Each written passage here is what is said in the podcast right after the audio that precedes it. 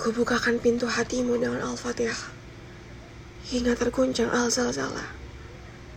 Karena aku tahu hatimu tak sekeras Al-Hadid, melainkan selemut Al-Rahmana. Walaupun cintaku tersembunyi bagaikan alif lam samsia, tetapi perhatianku padamu seperti alif lam komaria. Terbaca jelas. Aku pernah menjadi Fatimah yang mencintaimu secara diam-diam. Lalu aku memutuskan menjadi Khadijah yang menyatakan cintanya kepada Muhammad.